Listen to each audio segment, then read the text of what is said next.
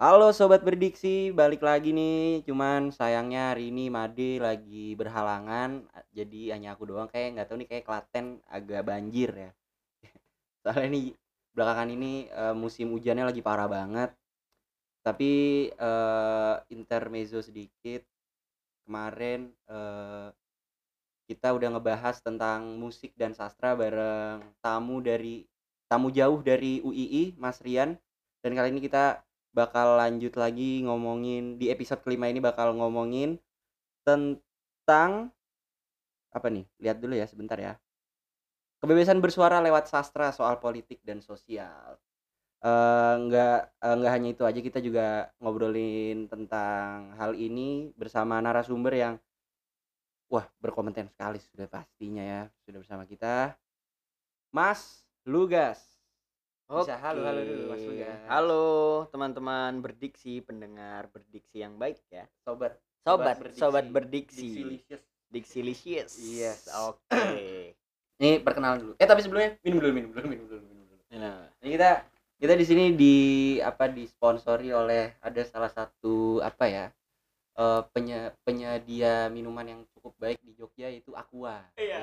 aku ah. Aqua depot air minum tuh Depot biasanya. air minum. depot depot air minum biasanya ada tuh. Minum dulu minum dulu minum dulu minum dulu. Kasih kasih kasih kasih. Ini biar ada ASMR ASMR. ASMR. Oke. ASMR. Akuanya pakai es. Iya. Jadi seger, seger kan. seger parah. Ini bisa perkenalan diri dulu Mas Lugas. Oke, eh, teman-teman sobat berdiksi sekalian, eh, seperti tadi dikatakan oleh host kita, ya aku Lugas, aku eh, mahasiswa juga ya, mahasiswa yang sedang tidak buru-buru lulus dari dari sastra Indonesia UGM gitu. Itu aja sih paling. Sastra Indonesia angkatan Angkatan berapa ya aku? 18, 18. 18. ya. Ini kan soalnya ini pe- pendengar kita nih kan anak-anak SMA. Oh, anak-anak SMA yang pengen ya. masuk sastra Oke, ini siap. Secara nggak langsung agen berjalan lah. Agen berjalan. Cuman nggak dibayar aja sih. emang Iya sih. Bisa kali ditransfernya. Wah. Pak Pujarto enggak.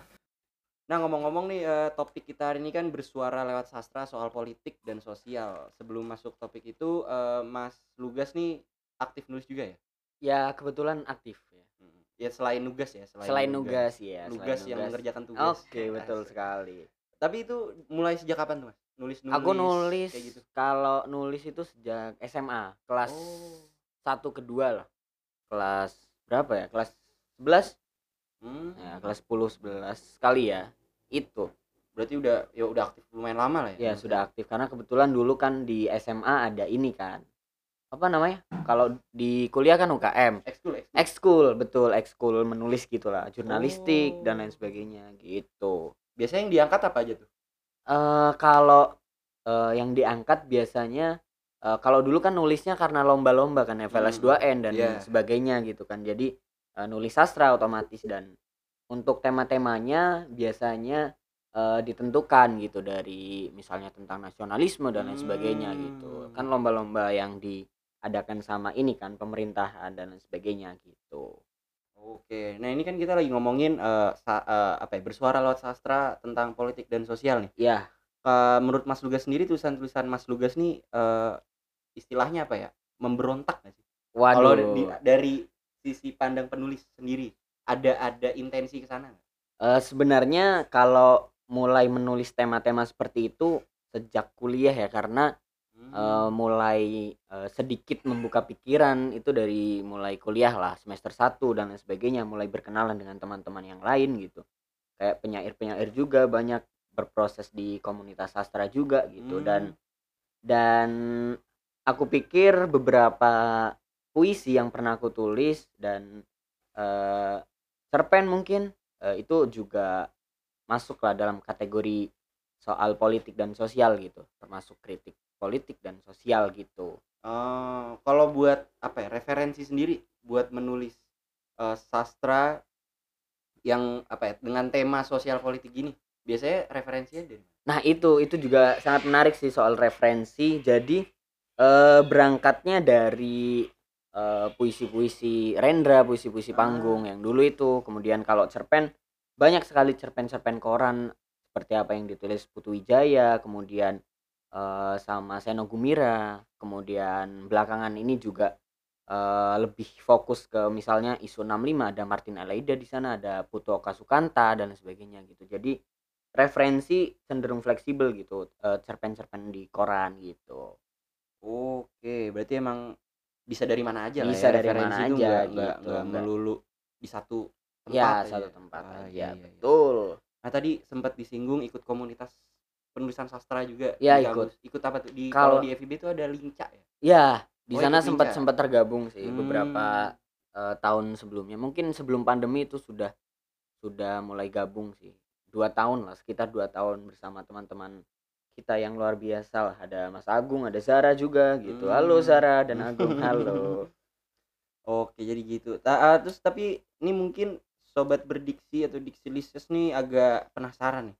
Eee, Mas Lugas nih kira-kira sering ini nggak sih kayak ya kan tadi di tergabung di Linca lah salah satunya ya. Ya, Eee, sering diskusi sastra dan pergerakan gitu nggak sih? Nah. Bareng teman-teman? kalau itu lebih ke ini sih, kalau di Jogja kan, eee, aku pikir sebagai kota pelajar dan kota yang, eee, sangat kaya akan ilmu biasanya, eee, lingkar diskusinya tidak sekadar di dalam kampus gitu. Biasanya Ah. ada di, Ya, ya. eee, komunitas-komunitas sastra yang lain gitu seperti yang diadakan, eee, oleh, eee, apa sih di TBY itu ada ada apa sih Bincang Sastra Yogyakarta kalau nggak salah gitu. Kemudian Hmm. banyak acara lain kayak di kafe basa-basi itu Ah, sering iya, sering iya, kali iya, iya. ada diskusi sastra dan lain sebagainya. Kemudian ada festival sastra yang diadakan oleh oleh Balai Bahasa dan lain sebagainya gitu. Jadi lebih lebih luas lagi Iya, sih lingkupnya daripada- lebih luas ah, lah ya, nggak gitu. nggak cuman teman-teman di kampus, ah. teman-teman di luar juga Iya, ya. betul.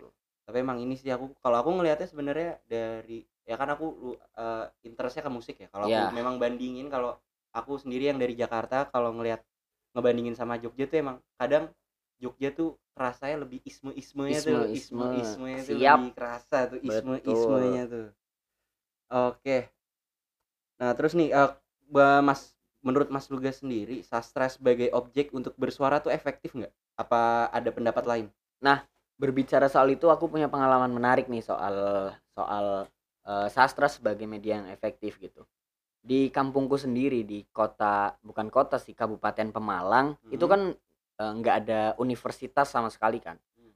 Hanya ada sekolah tinggi, itu pun kayak, eee, BEM-nya nggak tahulah, nggak jelas atau semacamnya, semacam mati suri atau apa gitu. Jadi kalau di kotaku sendiri itu sastra, eee, bersama teman-teman komunitasku, komunitas Kidung Pena itu menjadi sarana yang sangat efektif gitu bagiku buat memulai pergerakan gitu. Seperti Hmm. contohnya misalnya, eee, beberapa eee, beberapa waktu lalu, tahun lalu sepertinya yang isu isu-isu sedang naik gitu seperti Omnibus Law dan lain Ah, sebagainya. iya, iya.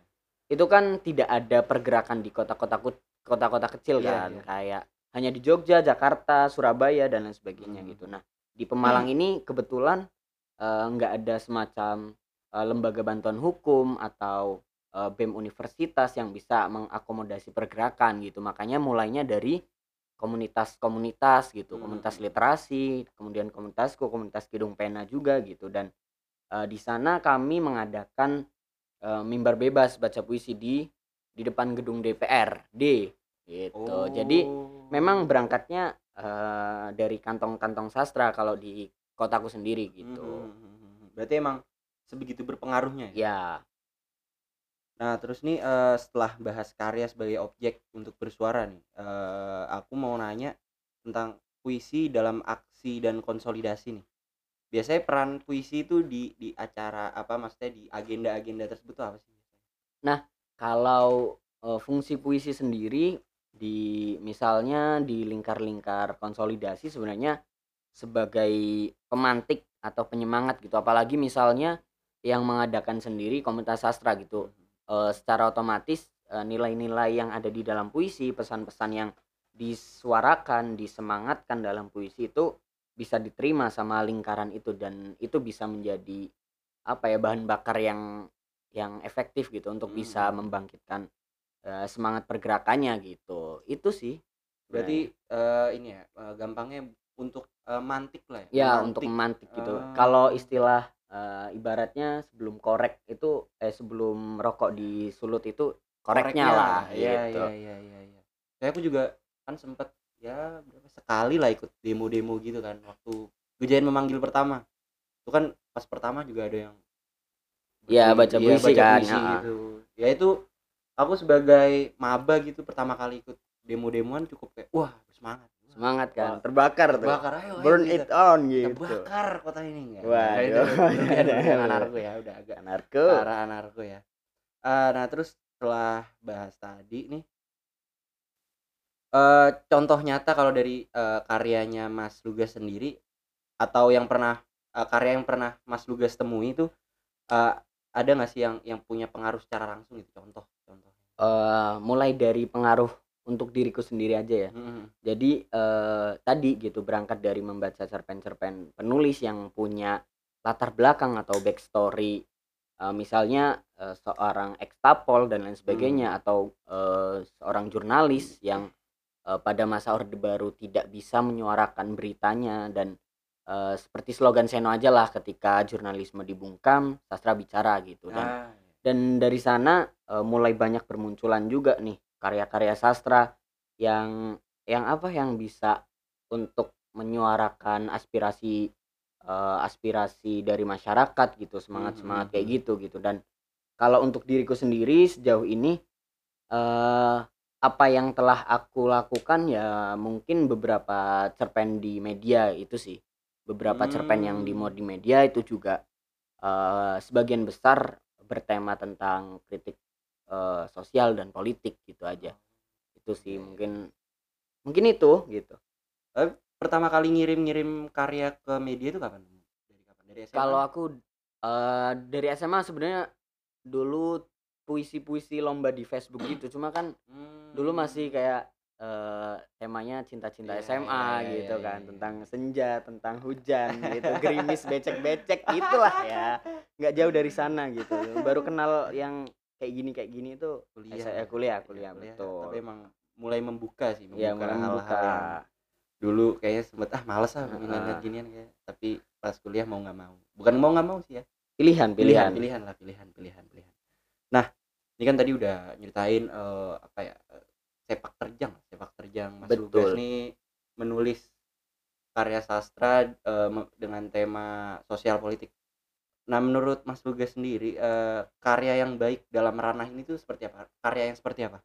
Ini pernah dikatakan sama Rendra bahwa eh, sebaiknya puisi itu tidak terpisah dari kehidupan. Bahkan Rendra pun menyindir ya penyair-penyair yang bersajak tentang rembulan gitu bintang dan rembulan dan lain sebagainya gitu itu sebenarnya eh, mungkin eh, ada sangkut pautnya bahwa karya sastra gitu ada kaitannya dengan masyarakat ada relevansinya dengan masyarakat gitu Hmm. sifat sastra yang yo mungkin agak ini ya agak agak akademis gitu sifatnya mimesis gitu tiruan tiruan eh, tiruan alam semesta dan itu merupakan eh, cerminan dari realitas gitu Ah, bahwa iya, sastra iya, itu iya. Tidak bisa hanya misalnya fiksi saja atau ngawang-ngawang saja tapi bersandarkan pada fakta-fakta yang ada di dalam masyarakat gitu. Problematika masalah-masalah sosial dan lain sebagainya gitu. Jadi sastra yang baik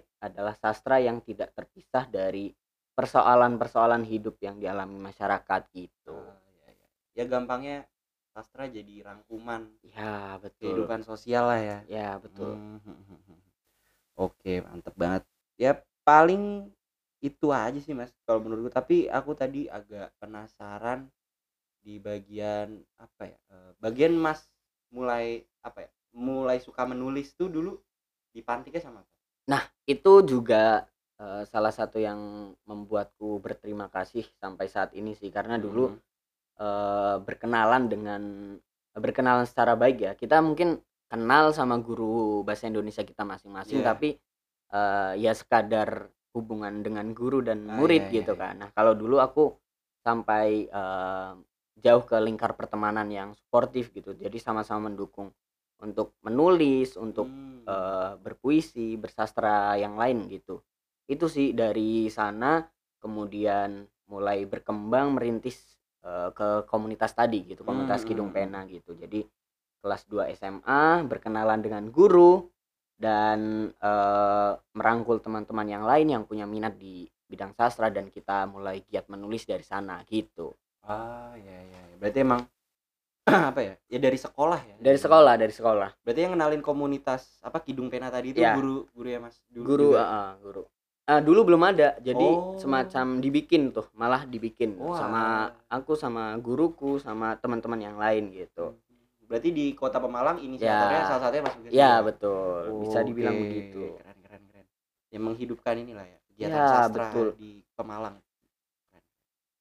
Ya paling itu aja sih Mas kalau dari aku paling ya kalau misalkan sobat-sobat diksi pengen apa ya ngobrolin lagi kepo-kepo lagi tentang eh, sastra dan pergerakan mungkin bisa langsung tanya ke Mas Lugas bisa nanya ke Instagramnya apa Mas Lugas Oke, Lugas ih.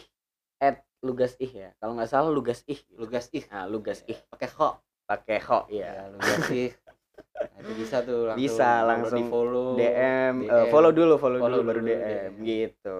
kalian ada yang terjaring maksudnya terjaring Iya, untuk terjaring menulis. untuk menulis sastra Ya, gitu, kan. maksudnya tuh dari situ sih Dari situ. Nah, oke. Oke, sobat Diksi, paling segitu dulu untuk episode limanya dan gak tau ini mungkin episode terakhir, nggak tahu ya. Gak tau ini tergantung Pak Puji nggak mas. Canda dong. Wah, uji. Ya. Ya itulah tadi cuap-cuap mengenai bahas eh, sastra dan pergerakan. Makasih untuk Mas Lugas sekali lagi aku ucapin makasih. thank you juga Mozart. Mm-mm. Terus abis kan eh, sobat-sobat Diksi eh, kalau apa ada saran atau pengen bahas ini dong, bahas itu dong, bisa langsung di eh, DM DM di KM di @kmsi apa sih Instagram lupa. UGM, KMS UGM. KMS UGM. KMS UGM, iya. Ya, Nanti KMS. UB kan. Iya kan? UB. KMS. UNY kan, UNY kan bisa juga. Sebelah tuh. Ya jadi ya gitulah pokoknya. Sekian aku Mozart. Dan aku Lugas. Terima kasih. Salam sobat Diksi.